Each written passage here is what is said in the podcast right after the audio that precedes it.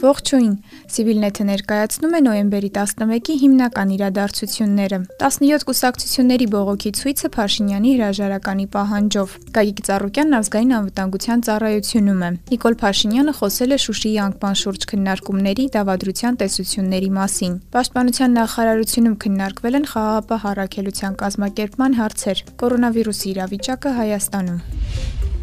Լեռնային Ղարաբաղում պատերազմը դադարեցնելու մասին Հայաստանի, Ադրբեջանի եւ Ռուսաստանի ղեկավարների ստորագրած երակողմ հայտարարությունը բուրըն դժգոհություններ է հարուցել Հայաստանում։ Ազատության հրապարակում այսօր հավաքվել էին խորհրդարանական եւ արտախորհրդարանական ուժեր, նախկին իշխանության ներկայացուցիչներ եւ այլ գործիչներ վարչապետի հրաժարականի պահանջով։ Ազատության հրապարակում հանրահավականելուց հետո նրանք շարժվել են Հանրապետության հրապարակ, կառավարության շենքի մոտ նույն պահանջով։ Հայաստանի Հանրապետության ոստիկանությունը պահանջել է դադարեցնել 17 կուսակցությունների հանրահավաքը, նշելով, որ երկրում հայտարարված ռազմական դրության պայմաններում արգելվում է հավաքների անցկացումը։ Հավաքի վայրից բերման են ենթարկվել մի խումբ քաղաքացիներ, այդ թվում ՀՀԿ պատգամավոր ազգային ժողովի նախկին փոխոսնակ Էդուարդ Շարմազանովը։ Բարգավաճ Հայաստան կուսակցության ղեկավար Գագիկ Ծառուկյանին տարել են ազգային անվտանգության ծառայություն։ Մենք չգիտենք, թե ինչ մեղադրանք է, ինչի համար է։ Հանրահավաքին հայտարարել է ԲՀԿ անդամ Իվետ Տոնոյանը։ Նույն օրը Սերժ Սարգսյանի գրասենյակը հայտնել է, որ նա հրավիրվել է ԱԱԾ։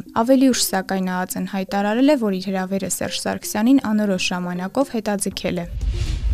Վարչապետ Նիկոլ Փաշինյանն այսօր Facebook-յան հերթական ուղիղ հեռարձակմամբ խոսել է Շուշիի անկման շուրջ քննարկումների դավադրության տեսությունների մասին։ Իմ ամենամեծ մեղքը վերնագրված լայվում նա մանրամասնեց։ Ինձ վերագրվող ամենամեծ մեղքը այդ հայտնի փաստաթուղթն է, որում ասվում է, թե ես համաձայնվել եմ 3 տարածքներ՝ Աղդամ, Լաչին, Քելբաջար հանձնել Ադրբեջանին։ Իրականում շատ զարմանալի չթվա, բայց այդ դրվագը ոչ թե հանձնելու, այլ պահելու մասին էր, որովհետև այդ փաստաթուղթը ստորագրվել էր մի իրավիճակում, երբ ընկած էր Շուշին եւ երբ ըստ էության Հայաստանի զինված ուժերի գլխավոր շտաբը ինձ զեկուցում էր, որ ռեսուրսները բավականին պրոբլեմատիկ վիճակում էին եւ Արցախի քաղաքական ղեկավարությունը կիսում էր այդ կարծիքը, ասել է Փաշինյանը։ Վարչապետը խոսել այն մասին, թե ինչ կլիներ, եթե փաստաթուղթն այդ պահին չստորագրվեր, ասելով, որ մի իրավիճակում, երբ Ստեփանակերտը անպաշտպան էր մնացել, եթե ռազմական գործողությունները շարունակվեին, շատ մեծ հավանականություն կա, որ կգրավվեր Ստեփանակերտը, Մարտունին, Ասկերանը, որից հետո մեր 3-րդ, 4-րդ, 5-րդ, 6-րդ պաշտպանական շրջանները կհայտնվեին շրջափակման մեջ։ Հազարավոր զինվորներ կհայտնվեին շրջափակման մեջ։ Արդյունքում տեղի կունենար նաև ամբողջական կոլապս։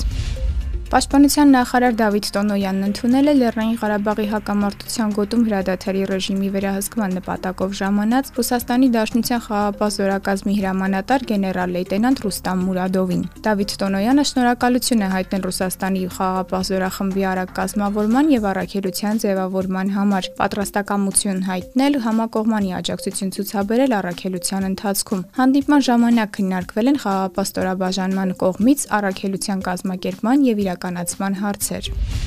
Ռուս-թուրքական կենտրոնը տեղակայվելու է Ադրբեջանի տարածքում եւ կապ չունի Լեռնային Ղարաբաղում խաղապահ գործողության հետ, այս մասին հայտարարել է Ռուսաստանի ԱԳՆ պաշտոնական ներկայացուցիչ Մարիա Զախարովան։ Երեքշաբթի Ռուսաստանի արտգործնախարարությունում աղբյուրը հայտնել էր, որ Լեռնային Ղարաբաղում խաղապահ գործունեության մեջ Անկարայի դերը սահմանափակվում է հրադադարի վերահսկման ռուս-թուրքական կենտրոնի ստեղծմամբ եւ ուղակի կապ չունի խաղապահ գործողության հետ։ Զախարովան ասել է, որ այդ կենտրոնը ստեղծվում է Ադրբեջանի տարածքում, որը չի հարում Լեռնային Ղարաբաղին։ Այստեղ պետք է հասկանալ, որ խոսքն արդեն ոչ թե հայտարարության մեջ նկարագրված խաղապահ ջանքերի, այլ բոլորովին այլ առաքելության համատեղ ջանքերի մեկ այլ մասի մասին է։ Պետք է դա բաժանել, դրանք տարբեր բաներ են, ասել է Զախարովան։ Հայաստանում նոյեմբերի 11-ի դրությամբ հաստատվել է կորոնավիրուսի 1861 նոր դեպք։ 1501 մարդ առողջացել է, մահացել է 27 մարդ։ Բացասական թեստերի թիվը 2365 է։ Դրական է կատարված թեստերի 40 44%-ը։